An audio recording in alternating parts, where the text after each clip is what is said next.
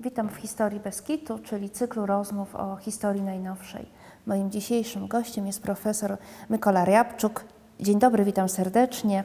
Analityk Instytutu Studiów Politycznych i Narodowościowych Akademii Nauk Ukrainy oraz wykładowca Studium Europy Wschodniej Uniwersytetu Warszawskiego.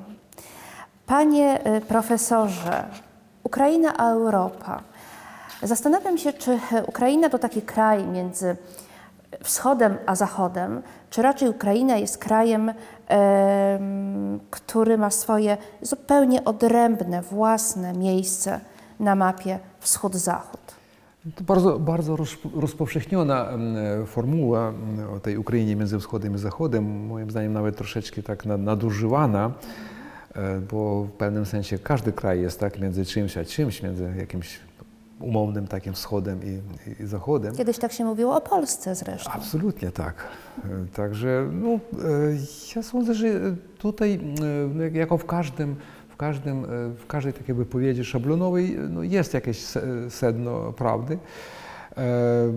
Ja tak rozumiem, że ta formuła ona wskazuje na, pewną, na, na pewne pogranicze, tak, na wpływ różnych cywilizacji, różnych kultur. I no, to, to jest prawda, to nie da się ukryć. To dla Ukrainy jest źródłem ogromnych problemów, ale też y, potencjalnie jest pewnym, pewnym takim bogactwem, tak, pewnym atutem. Y, Ja sądzę, że największy problem Ukrainy z tej pograniczności polegał na e, pograniczu nomadycznym. To, to, jest, to jest, było największe wyzwanie dla, dla tego kraju i może dlatego właśnie rozwój tego kraju w pewnym momencie zahamował się, y, bo trudno budować taką cywilizację, powiedzmy, w stylu zachodnioeuropejskim, kiedy żyjesz na pograniczu, gdzie ciągle narażasz się na ataki ze stepu otwartego i nie da się nic zbudować na, na, na długie trwanie, tak? bo zawsze stabilnego. przyjdą nomadzi i to wszystko zniszczą. Także wszystko było jakby, od samego początku było jakby takie czasowe, tak? jakby bu- budowane na, nie, nie, na, nie na stulecie, nie na, nie na tysiąclecia. I to jest, to, moim zdaniem to, to miało jakiś pewny wpływ na całą psychologię tych ludzi. Ale e, jeżeli chodzi o pewne, pewne rzeczy pozytywne, to ja e, przypuszczam, że tutaj ogromną, ważną rolę odegrała moim zdaniem Rzeczpospolita. Ja sądzę, że ten, ten wątek był przez dłuższy czas niedoceniany w Ukrainie, bo dominowała ta e, koncepcja sowiecka, tak, o tym jakby tym jednoczeniu bra, narodów braterskich. E, No, taki ta- mit sowiecki absolutnie, bo, bo nie, Ukraina ba- bardzo miała e, mało wspólnego z Moskowią. Tak? Jeżeli my mówimy nie o Rosji, I ta przyjaźń raczej była jednostronna. no, to już, to już zupełnie inna, inna kwestia, ale mm, my, my w tej formule zawsze zapominamy, że Rosji jako takiej nie było do XVIII wieku, do Piotra I. On stworzył to, on przemianował Carstwo Moskiewskie w, w Imperium Rosyjskie. Carstwo moskiewskie było bardzo odrębne. Carstwo moskiewskie istniało gdzieś na uboczu tej byłej historycznej Rusi, która przestała istnieć w XIII wieku. Mm, Natomiast Ruś, czyli właśnie Ukraina i Białoruś, tak, e, Rutenie, Ruś, ona była wchłonięta w państwo polsko-litewskie i rozwijała się w ramach tego państwa jako, jako jego część. Przez dłuższy czas zresztą e, część równouprawniona, no przynajmniej do końca mm, XVI wieku, do Sygismunda III Wazy. E, i pod ogromnym wpływem cywilizacyjnym. Znaczy wszystkie, wszystkie wątki europejskie t- na tych terenach były, których nie było w Carstwie Moskiewskim. Tak? Czy, czy renesans, czy barok, czy e, reformacja, kontrreformacja, sporo, prawo magdeburskie i, I tak silne dalej. były to wpływy. Rzeczywiście w Ukrainie te wpływy były silne. Tak. No absolutnie, ja sądzę, że cała, cała, mm, e, cała ta spuścizna Rzeczypospolitej, ona e, jest widoczna i dzisiaj nawet. Tak? Dlaczego Ukraina jest tak inna? Mimo tej całej sowietyzacji ona pozostała inna, pozostała jakby nie, nie strawiona, tak? nie zjedzona, nie przełknięta przez Imperium Rosyjskie, bo była ta inna, inna zupełnie inna cywilizacja, inna, inna kultura. Także tutaj w tym sensie te pogranicze było bar, bardzo ważne, a jednocześnie było ważne, bo pogranicze też pozostawiało e, dla Ukraińców pewną przestrzeń autonomiczną, też e, e, pozwalało zachowywać tą autonomię, e, szczególnie dzięki e, kozakom na pograniczu, czyli Rzeczpospolita też nie mogła do końca wchłonąć te, te, ten etnos, tą, tą wspólnotę ukraińską. E, I zresztą, te, zresztą projekt cały ukraiński, on powstał jako projekt narodu kozackiego. To była ta quasi, quasi szlachta, quasi elita, e, która siebie uznała narodem. Potem już ta idea rozpowszechniła się też na chłopów. Także e, tutaj pogranicze odegrało też kolejną taką pozytywną rolę. Nie tylko, nie tylko musimy widzieć tam negatywne te, te wątki.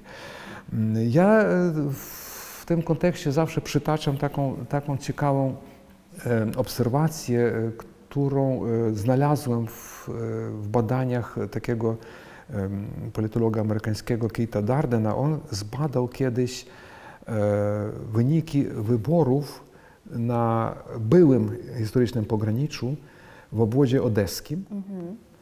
E, Na, e, tam jest taki mały rejon na północy, e, jest miasteczko Bałta, które historycznie e, było podzielone rzeką, e, e, też nazywa się Bałta, ale na północy było, tam miasteczko nazywało się Józef, Józefgrad, to była Rzeczpospolita, na południu była Bałta, czyli Imperium Osmańskie. Tym, tam był podział, tej, koniec tej Rzeczypospolitej. I ten właśnie, cały ten Kit Darden zbadał wyniki wyborów w tym rejonie. Tam zbadał na każdej dzielnicy do głosowania. Tam ich było około setki tych dzielnic głosowania i on zbadał wyniki wyborów, a to był rok 10, druga runda, kiedy Janukowicz rywalizował z, z Tymoszenko. No, czyli projekt pomarańczowy versus właśnie ten pro, promoskiewski, czy jaki tam, taki neosowiecki. I okazało się bardzo ciekawe rzeczy, że w tym obwodzie, gdzie ludzie przez stulecia żyli w jednym kraju, w Imperium Rosyjskim, w tym samym obwodzie administracyjnym, czy tam, e, no, oni w różny sposób nazywały się te obwody, no ale w ostatnie 10 lata odeski obwód. Czyli ludzie, którzy nie różnią się ze sobą ani językowo, ani etnicznie, ani w, sens, ani w, w dochodach e, finansowych. E, no, pod żadnym, żadnymi względami się nie różnią. Ani na północy tego, tego rejonu, ani na południu. To ta sama ludność, czyta te same gazety, ogląda tą samą telewizję. I okazało się, że wyniki y, na południu tego rejonu bałtyckiego były dokładnie te same jak w całym obwodzie odeskim, czyli takie sowieckie. Janukowicz wygrywa totalnie. Na północy też wygrywa, ale wygrywa minimalnie versus Tymoszenko. Dlaczego? Jak wyjaśnić? To jest, to jest nie do wyjaśnienia ten, ten problem, jeżeli nie uwzględnić tą, tą spuściznę e, sprzed 300 lat. Bo już nie ma tej rzeczy pospolitej ponad po, po prawie 300 lat, ale jakaś pamięć pozostaje na mikropoziomie, na jakiejś podświadomości, na mm, powiedzmy, em, e, to jest mikrosocjologia, jak ludzie przekazują swoje sceptyczne nastawienie wobec każdej władzy. Moim zdaniem to o to chodzi. Że ludzie nie poddają się temu nacisku, narzucaniu z góry, odgórnego narzucania tej albo innej decyzji, że mają pewien skepsys, pewien dystans.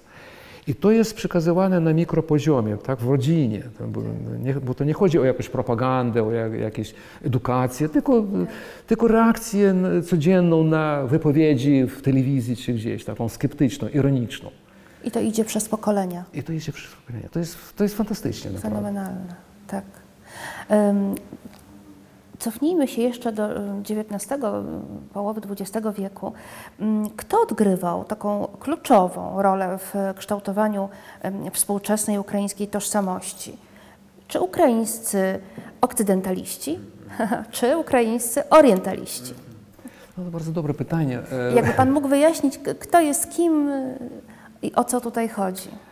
To jest, to jest dobre pytanie, bo ono, ono jakby jest związane z, pewną, e, z pewnym paradoksem, z para, paradoksalnym charakterem tego całego ruchu nar- narodowego ukraińskiego, bo w zasadzie każdy ruch narodowy, on jest taki, powiedziałbym, e, e, zorientowany na tutejszość, tak, na swoje.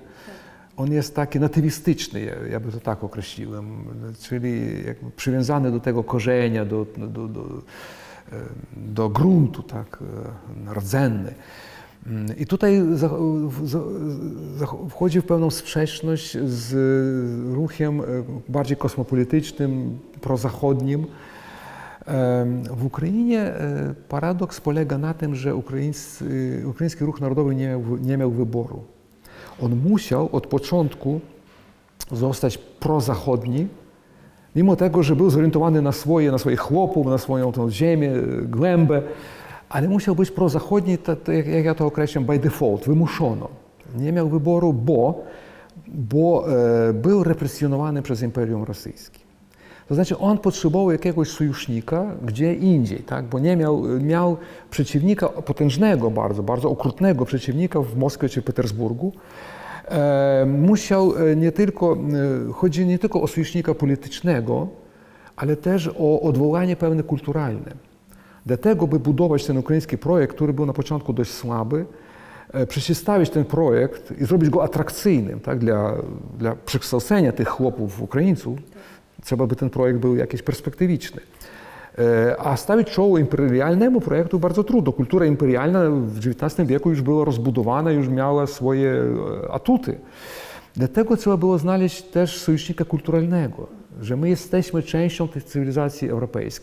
tej zachodniej. To była taka, mm, jak ja, dlaczego mówię, że to było wymuszone, tak? bo, bo, to, chodzi- bo to, to było wbrew logice ruchu narodowego. Ruch narodowy nie odwołuje się do kogoś, to są swoje, nasze. Tak. Tylko, że tutaj nie dało się... Tutaj nie było możliwości na tym swoim, wyłącznie na swoim budować. Trzeba było jeszcze właśnie e, aluzje te do, do, do, do Zachodu. My zawsze należaliśmy do Zachodu, do Europy i my wró- wracamy do Europy. I to było artykulowane już na początkach ruchu narodowego, czyli przez tych członków e, Towarzystwa Cyryla i Metodiego, członkiem którego był teraz Tar- Taras Szewczenko. Oni właśnie już mieli te okcydentaliści? początki, początki tej orientacji zachodniej. Ona jeszcze nie była taka wyraźnie artykulowana, bo oni zaczynali ten swój ruch w ramach e, ruchu imperialnego slawofil, e, słowiańskiej, która była, szła wbrew em, autorytaryzmu, autokracji rosyjskiej. E, Ułatwiało im też propagandę równo, równouprawnienia tych narodów słowiańskich, bo Ukraińcy ofi- oficjalnie nie istnieli, a oni tutaj jakby stawiali siebie na jeden poziom z Polakami, Czechami i tak dalej. Także to im na początkach e, te słowianofilstwo ułatwiało ruchu narodowemu jakby artykulację pewnych idei, które e, były jakby maskowane pod no, oficjalne słowianofilstwo, ale były bardzo rewi- rewizjonistyczne. I dlatego doszło do represji wobec tego ruchu. Tak? Całe to towarzystwo było roz, rozwiązane, represjonowane, zesłane na Syberię. No, zresztą Szybczenko był bardzo ostro ukarany.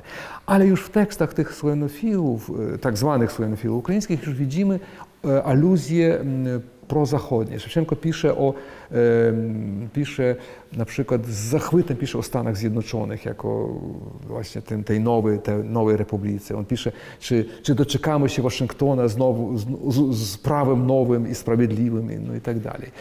Y, I dalej ten, ten wątek wzmacnia się. Słowianofilstwo nie wypaliło ukraińskie, zostało jakby e, imperium dość szybko zrozumiał, że to nie jest prawdziwe słowianofilstwo, e, także represjonował. I w Rosji to słowianofilstwo przy- przekształciło się w taki agresywny pansławizm, który był już w ogóle nie do przyjęcia dla Ukraińców. Także Ukraińcy jakby w ten A kim sposób... byli orientaliści? No, orientaliści to właśnie, e, to moim zdaniem nie jest bardzo dobry termin, bo on kojarzy się z, z dzisiejszym orientalizmem, tak, z chudoznawstwem. E, Raczej chodzi właśnie, właśnie o te, te podejście słowianofilskie. Aha. Chodzi o tą orientację na wspólnotę wymyśloną e, słowiańską, która no niestety została zawłaszczona przez Imperium Rosyjskie. Także oni, oni tą wspólnotę widzieli jako właśnie łączenie dookoła Rosji, dookoła cara rosyjskiego i tak dalej, co absolutnie nie pasowało Ukraińcom. Także bardzo szybko ich drogi rozeszły się, trajektorie tych. Ukraińcy e, w taki sposób wymuszony zostali prozachodnimi od samego początku, bardzo szybko. Imperium ich przekonał do tego, że nie ma innej drogi, tylko właśnie budować jakieś kontakty z, i, i polityczne, i kulturalne z, z, z, Europą. I dalej, dalej projekt ukraiński rozwijał się właśnie w ten, w ten sposób. To znaczy, nigdy nie było próby jakiegoś e, mm, budowania e, wspólnoty czy polityki, e, koncepcji ukraińskiej alternatywnej, po, pozaeuropejskiej, wbrew Europie. Po prostu to nie działało. Mhm. Jaką rolę e, odgrywały narody europejskie i nieeuropejskie e, właśnie w Związku Radzieckim? E, W Związku Radzieckim no, Europa była traktowana jako Zachód, tak? czyli, czyli wspólnota wroga, Tak. która może nie była aż tak wroga jak ten główny wróg amerykański, tak? ale pod, pod wpływem tej wstrętnej Ameryki Także kontakty były bardzo ograniczone. Kultura, literatura współczesna była filtrowana, cenzurowana i propagowana głównie w postaci tylko tak zwanych pisarzy progresywnych, postępowych, czyli bardzo taki zawężony krę- kręg. E, A nawet oni byli cenzurowane mimo wszystko. Mm, Także y, wiedzy nie było takiej rzeczywistej. Było troszeczkę wiedzy o tych republikach y, narodowych, tak, s- socjalistycznych tak zwanych. Nawet y, troszeczkę, troszeczkę wpuszczano tak czasem ko- kogoś, nie kogoś y, wypuszczano z wizytą do, do, tych krajów. No ale też, y, też bardzo ograniczone te były kontakty, bo, bo nawet tam była widoczna ta różnica tych cywilizacji. Nawet tego Sowieci bali się. E, Także ta Europa e, dla nas była głównie Europą książek, Europą e, częściowo filmu, który oglądaliśmy, Europą kultury, tak. Mm, Ale na szczęście już, przynajmniej moje pokolenie już żyło w tych czasach takiego mm, komunizmu miększego, Także nie było aż tak źle jak w okresie stalinowskim, kiedy prawie nic nie istniało poza tak zwanymi st- postępowymi autorami. W, w, w czasie po, po, postalinowskim już jednak coś troszeczkę drukowano e, różnych, różnych autorów i najważniejszy dla nas oczywiście był też dostęp do tekstów e, e, polskich. Mm, Na szczęście ta przyjaźń narodów socjalistycznych miała, owocowała czasem dobrymi e, owocami, bo w każdym większym mieście była księgarnia Drużba, czyli przyjaźń i tam można było nabyć książki z tych różnych krajów e, komunistycznych, co niekoniecznie e, było dobre, bo można było tam e, nabyć na przykład e, całe zebranie dzieł Ho Chi Minha na przykład, czy jakiegoś tam, nie wiem, innego działacza z tych krajów, ale one tak stały dekoracyjnie na półkach. Natomiast były półki, które były rozkupywane, bo szczególnie polskie, bo język był bardzo, bardzo bliski i łatwo opanowywany mniej więcej, do czytania przynajmniej.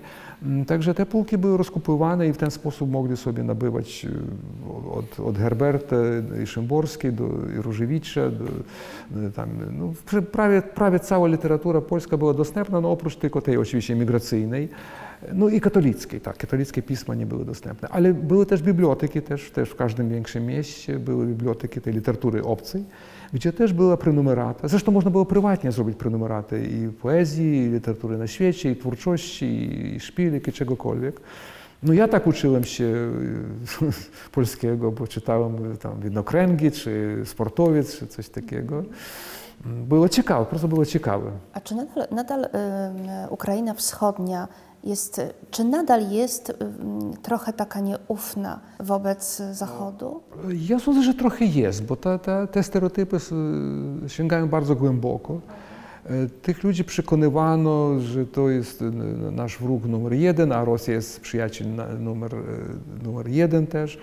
E, Także e, Mimo, mimo długich lat niepodległości Ukrainy to nadal jest żywe? podskórne, ja bym powiedziałem. To już nie tak. Teraz oczywiście, no teraz to już jakby e, z tym mam nadzieję, że to już skończono, bo Wojna zmieniła Wojna, wojna bardzo zmieniła, chociaż, ale nadal myślą w tych samych kategoriach. Ja sobie przypominam, jak, jak kiedy moja, moja żona wyjeżdżała, jak ona się zaczęła, ona wyjeżdżała z, z kraju i na granicę e, jej jakiś tam sąsiad, jakiś też kolega, który podróżował, też uciekał, z, star, jakiś starszy pan, gdzieś z Charkowa i on e, po tym spotkaniu na granicy, kiedy polscy wolontariusze bardzo przyjaźnie ich powitali, tam jak, i kawa, i pizza, tam i cokolwiek, i transport, i nocleg. I on był tak poruszony, że on powiedział, Вот это братья, вот это настоящие братья, не то, что эти русские. Czyli o, to, to jest prawdziwe bracie, nie to, co ta, tam ci Rosjanie. On to powiedział, jakby on w, tym, w, tym, w, tym, w tej wypowiedzi on próbował określić nową rzeczywistość, ale w starych terminach, to znaczy w tych kategoriach braterskości. On, on już nie potrafi myśleć w innych kategoriach, że nie muszą być te stosunki braterskie, tylko po prostu norma- normalne. Tak. On nadal jeszcze jakby projektuje, nie ma tego brata, to będzie ten brat. Tak? To, jest, to- jest po prostu pokazuje, jak żywe są te, te klisze. Tak? Także, Jak głęboko one jednak... tak, także to, to zanika, ale to no, jednak mm, dla, dla tych całych pokoleń ludzi, którzy zostali wychowani, wykształceni na idei tej wspólnoty, że to też nasze, że to jakby no, trudno wyzbyć się tego utożsamienia. Ono, ono jest bardzo głęboko przyjęte wewnątrz. Młodzi już tego wyzbywają się, bo już coraz, bardziej jakby odiz- odizolowani, odemancypowani od, od Rosji i coraz bardziej integrowani w kraje zachodnie, ale ja sądzę, że dla starszego pokolenia to jest ogromne przeżycie i y, jak, jak to Pani powiedziała, podskórne. Jak się odbywała ta europeizacja Ukrainy, szczególnie tych wschodnich terenów? No bo to można sięgnąć jeszcze właściwie do XIX wieku i do tych magnatów finansowych, którzy zasiedlali Zagłębie Donieckie. Ja tak powiedziałem, że y, ukrainizacja Ukrainy jako takiej no, nie byłaby większym problemem, gdyby no, była jakaś mniej więcej taka skoordynowana polityka w tej dziedzinie i y, no, jakby wola polityczna ze strony elit ukraińskich, y, nie tylko politycznych, ale też tych właśnie oligarchicznych, y, ekonomicznych. No i oczywiście nie, nie, nie, gdyby nie ta, stała ta subwersja rosyjska.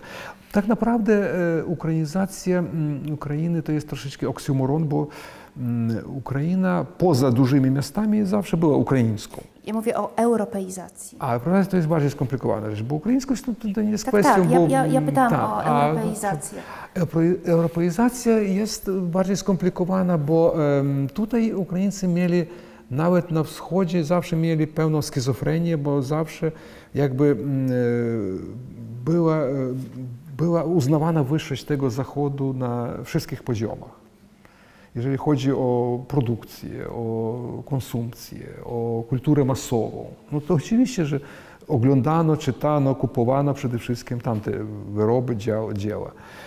Ale mm, coś na, na poziomie tym podświadomym, jakby no, jakaś bariera zawsze była, że no tak, wszystko to piękno, ale oni są, oni, oni są inne, tak, oni są inne, a to są swoje. Oni są może lepsi, ale, ale Ten Zachód są, duchowo był obcy. tak, tutaj ta, ta, dla ogromnej części tych ludzi. I ja sądzę, że to, to e, zakorzeniło się tak głęboko, dlatego że to nałożyło się na e, stereotypy quasi-religijne. To ułatwiło, ta inność e, konfesjonalna, o, ona ułatwiła przyjęcie tych, tych propagandowych stereotypów sowieckich. Dlatego, że tych chłopów zawsze łatwiej y, przenieść kategorie, które bardzo dla nich zrozumiałe, te kategorie religijne. My jesteśmy prawosławni i tak dalej, Rus, Rusy prawosławni, to, to jest zrozumiałe. I na te kategorie łatwiej sprojektować, nałożyć tę tę inność też cywilizacyjną, także polityczną i tak dalej. Ono wtedy wygląda bardziej takie zrozumiałe. A czy takie wartości y, typowo europejskie, zachodnioeuropejskie, jak wolność, demokracja, równość, czy one mm, e, bardziej łączą Ukraińców w tym momencie, czy bardziej dzielą? Ja sądzę, że tak. Ja sądzę, że teraz, e, teraz to są czynniki łączące. E, Szczególnie właśnie po rozpoczęciu tej wojny i tej pierwszej na, w 2014 roku i teraz już tej, tej dużej drugiej. E, Dla Ukraińców e, z jednej strony jakby e, coraz bardziej zostaje wartością ta, ta wolność, którą mamy i ten suwerenitet i ta, ta, i ta słaba, ale demokracja, którą mamy, która coraz bardziej kontrastuje z, z tym coraz bardziej totalitarnym państwem rosyjskim, które mniej więcej od, no, ono od, od dojścia Putina do władzy zostało coraz bardziej autorytarnym, a już powiedziałbym roku 12 e, zostaje coraz bardziej totalitarnym. Teraz to już kompletnie totalitarne państwo.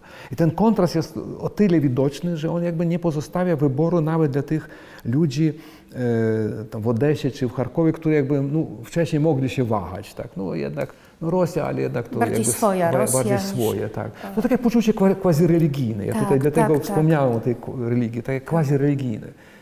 Że Zachód, okej, jest no bardziej nowoczesny, ale jest obcy. Kwestii, kwestii wiary oni nie są dyskutowane, tak? bo to jest wiara. Albo jest wiara, albo nie ma wiary. O to, ni- niestety to, ta Rosja funkcjonowała przez dłuższy czas na poziomie tej wiary. Kiepska, kiepsko rządzona i tak dalej, no, ale o ta wiara jedna, ale nasze, tak? to, coś, coś bliskie.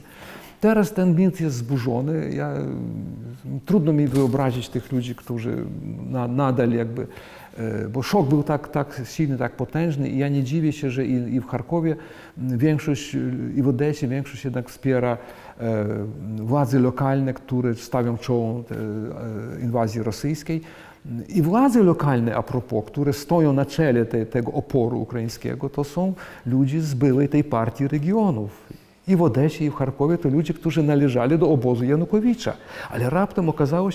Kraj jest ich krajem, że jest bliższy. I to bardzo dobrze określił właśnie ten major, e, mer, e, prezydent miasta chyba e, Nikopola, taki Wilku, bo tam cała generacja tych Wilków, e, generacja polityczna. I on powiedział, że no ale no tak, ja, ja, to była pomyłka, że, ja, że my wspieraliśmy tą partię regionów i, i politykę Janukowicza, to była pomyłka. E, bo co, co ci Rosjanie chcą, co oni sobie myślą? To, to kraj, gdzie moi przodkowie żyli, tutaj mój dziadek był, tutaj mój ojciec, oni chcą tutaj rządzić. Oni bronią, oni bronią, oni mają, inter, oni mają interes państwowy, ci ludzie. To, znaczy, oni zaczęli myśleć w tych kategoriach e, narodowych, tak? tych, takich statement, e, które, e, dla- dlatego właśnie te różne kwestie jakieś takie drobiazgowe odeszły na drugi plan, bo chodzi o interes państwowy. Tak. I, I to jest ciekawe, że nie tylko, nie tylko ci prostsi ludzie jakby zmienili swoje opinie, swoje, swoje wizje, ale, ale to musiałby, musiał niestety być ten szok. To szok, który już jakby no, potrafi, um, który daje ten cios tej ślepej wierze, bo wiara jest ślep, ślepa. E, Ale czy to znaczy, że Zachód, może już po skończonej wojnie, powinien jednak, aby tych Ukraińców do siebie, szczególnie na wschodzie, przekonać, e, powinien e, przeko- przekonywać e, argumentami, że wiem, ich religia absolutnie nie będzie zagrożona? E, no, po prostu nie, no jeżeli Czy chodzi... to, czy to już nie jest taki problem? Ja sądzę, że jeżeli, jeżeli traktować e, religię w tym wąs, no, w sensie metaforycznym, takim wąskim sensie, to ja sądzę, że już, już wszyscy zostali ateistami pod tym względem, bo Rosja już nie wywołuje żadnej sympatii i, i to pokazują badania opinii publicznej, że gdzieś e, ne, nastawienie neutralne czy pozytywne jest na poziomie 1-2%. Także tutaj już nie ma, nie ma o czym mówić. I przeciwnie, e, z tychże badań my wiemy, że wsparcie oporu e, jest na poziomie ponad 90%. I na zachodzie, i na wschodzie. Różnica jest bardzo nieduża. Jest różnica, jest. To, to nie, nie, nie da się zaprzeczyć. Ale ona nie jest Ale to jest taka różnica, no, y, tam 97%, a tam 91% wsparcia. Tak. To nie jest już zasadnicze, to nie jest ta różnica, która dzieli kraj. Tak? Y, Ona pokazuje pewne, pewne, pewne różności, tak? y, ale nieistotne. Także ja nie sądzę, że, że potrzebna jakaś polityka mm, specjalna. Co Ukraina potrzebuje dla tego, by zachować tą solidarność i tą jedność, która powstała w czasie wojny, to oczywiście polityka skuteczna i sprawiedliwa dla wszystkich. Nie, nie musi być jakaś polityka dla tego regionu, dla tego. Po prostu ludzie powinni uwierzyć, że to ich kraj, że ten kraj potrafi bronić ich interesy, nie tylko w czasie wojny, ale też e, w, w czasie pokoju. E, że To jest praworządny kraj, kraj ze skutecznymi instytucjami i kraj, który no, rozwija się, e, który może nie prosperuje, ale rozwija się dobrze, pozytywnie, dynamicznie. Mm, Ja e, właśnie tutaj mam ten argument, że w kraju, kraju który no, e, nie buduje swoją tożsamość na zasadach etnicznych, tak, wąskojęzykowych, kulturalnych, który próbuje budować tożsamość swoją na zasadach politycznych, obywatelskich, bardzo ważną jest rzeczą e, jakość instytucji. Ludzi e, w tym wypadku łączą się nie językiem, nie religią, e, nawet nie historią, tylko przyszłością. E, Dumą z tych instytucji, tak jak Szwajcarzy.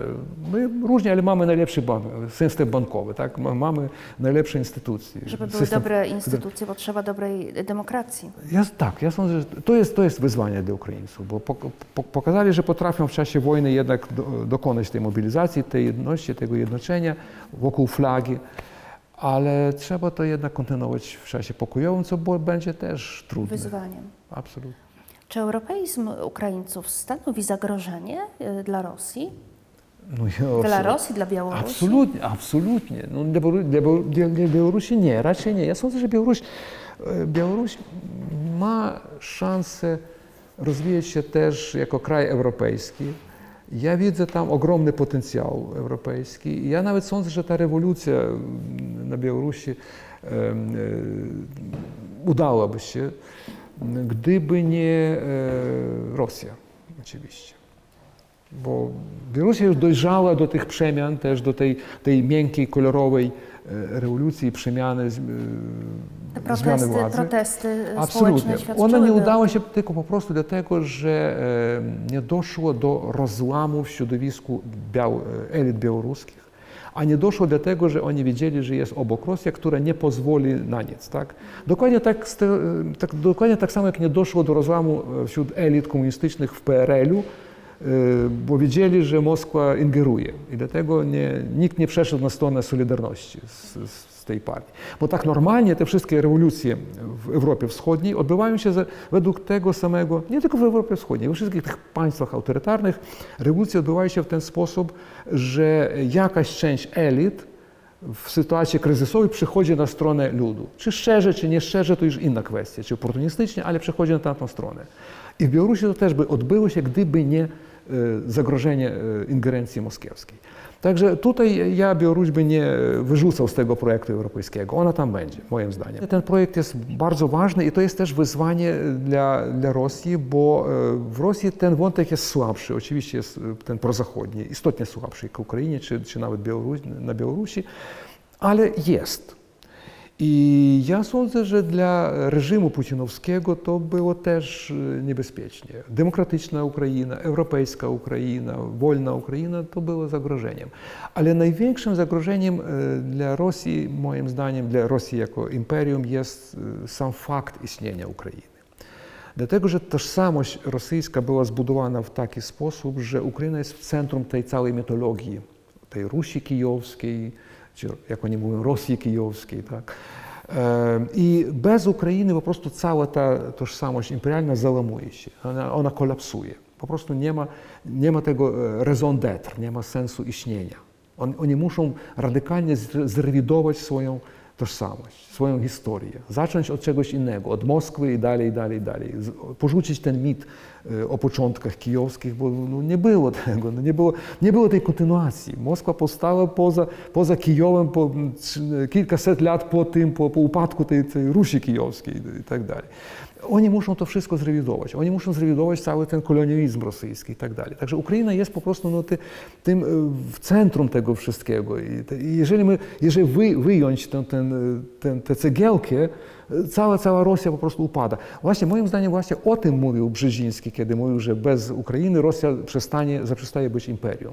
Bo ten, ta jego wypowiedź jest bardzo słynna, ale ona dość często jest interpretowana w taki sposób mm, zbyt uproszczony, jako no, bo, bo mm, to demograficznie ważny kraj, ekonomicznie. Nie. On jest ważny przede wszystkim z punktu widzenia tożsamości imperialnej. Bez Ukrainy nie ma tej tożsamości imperialnej. Po prostu rozpada się, rozsypie się. I dlatego oni chcą zniszczyć Ukrainę. Nie, chodzi nie o terytorium, nie o... A no właśnie, to teraz zjawi się w zupełnie innym kontekście ta zacięta walka. Oni walczą Absolutnie, o, o absolutnie. siebie. Absolutnie. O, o, o przetrwanie, tak. przetrwanie Chodzi o, imperium. o imperium. I dlatego oczywiście tutaj ta, ta tożsamość europejska odegrywa tak istotną rolę, bo ona jakby daje, daje e, inną e, trajektorię rozwoju. Pokazuje, że można tak rozwijać się. Nie tylko dla Ukrainy zresztą. I Rosja może być, może zostać krajem europejskim, teoretycznie. Teoretycznie, tak.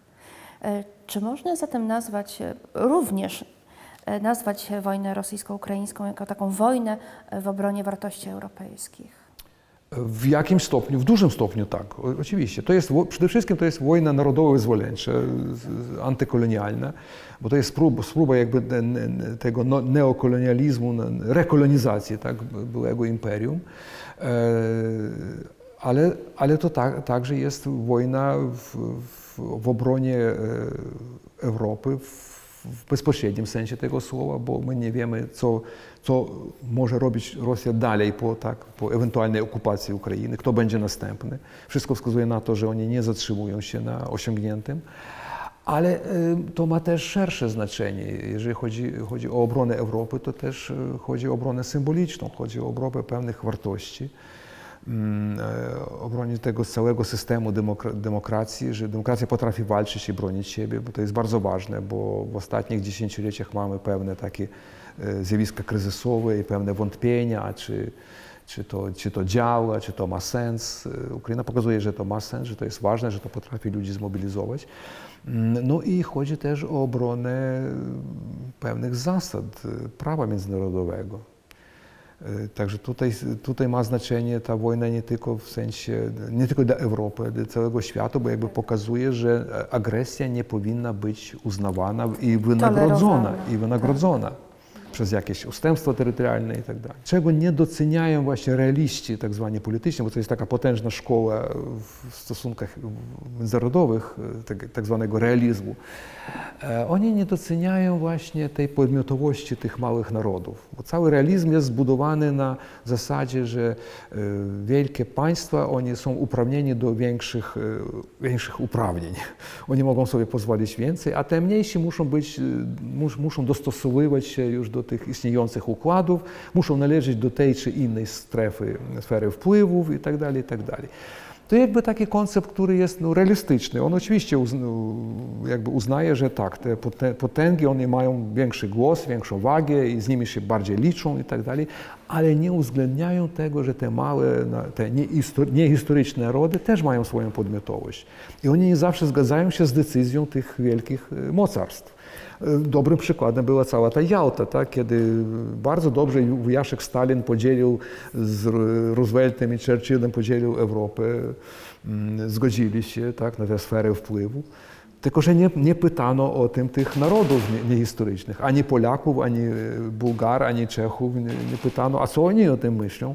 I oni nigdy z tym się nie zgadzali. Oni zawsze e, z, tym wspaniałą, z tą wspaniałą decyzją walczyli. Były takie powstania węgierskie, powstania czeskie, były powstania liczne polskie. Wreszcie to doprowadziło do upadku tego systemu, tego wspaniałego systemu zbudowanego na realizmie politycznym. Nie wypalił ten realizm polityczny, Tak. dlatego że te Czyli narody, oni mają podmiotowość. Tak, to, tak, dokładnie tak samo Ukraińcy. Ta podmiotowość, ona, ona pokazuje, że mm, każda, każda kolonia, ona wcześniej lub później, ona wywalczy tą swoją niepodległość. Dlatego właśnie, dlatego ja wierzę, że Ukraina zwycięży, bo e, ani e, żadna wojna kolonialna nie skończyła się zwycięstwem e, kolonizatorów. Musieli ustąpić. W jaki sposób, to, to już inna kwestia. I co było potem, to też różne rzeczy. Ale wszystkie wojny kolonialne skończyły się porażką kolonizatorów i odejściem. Czy Unia Europejska, mówiąc, czy Ukraina, mówiąc krótko, wejdzie do Unii Europejskiej?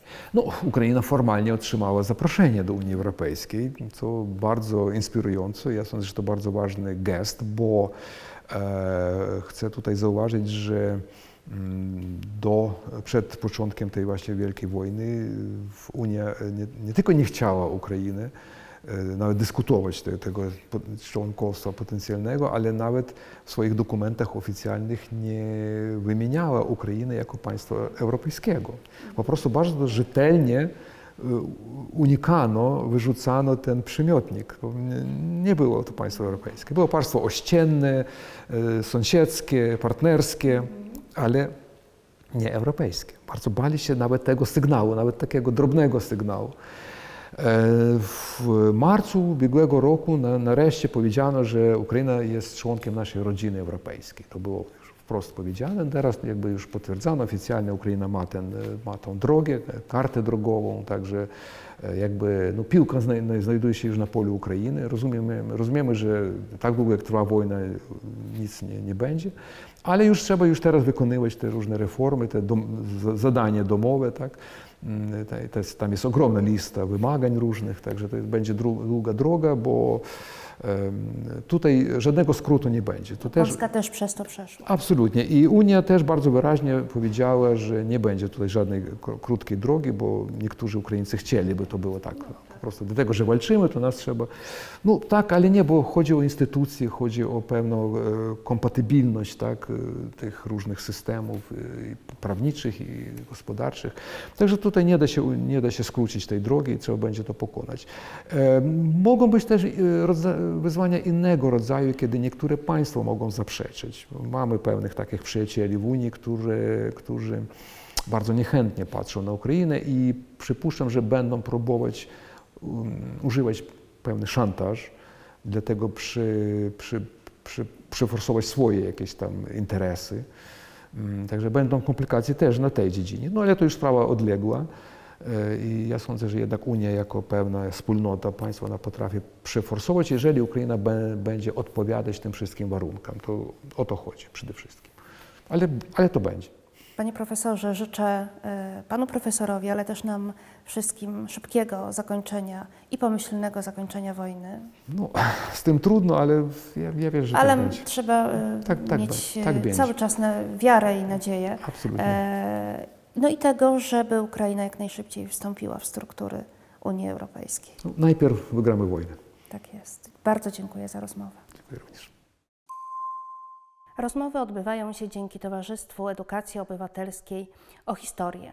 Jak zawsze zapraszamy do subskrybowania naszego kanału YouTube, a także zapraszamy na podcasty w serwisach Spotify i Apple Podcast. Oczywiście wszystko pod nazwą Historia bez kitu. Jeśli podoba Wam się nasz e, kanał YouTube, możecie nas wesprzeć w serwisie Patronite pod adresem patronite łamane przez Historia bez kitu albo kupić nam symboliczną kawę w serwisie Buy Coffee łamane przez Historia bez kitu. Bądźcie z nami.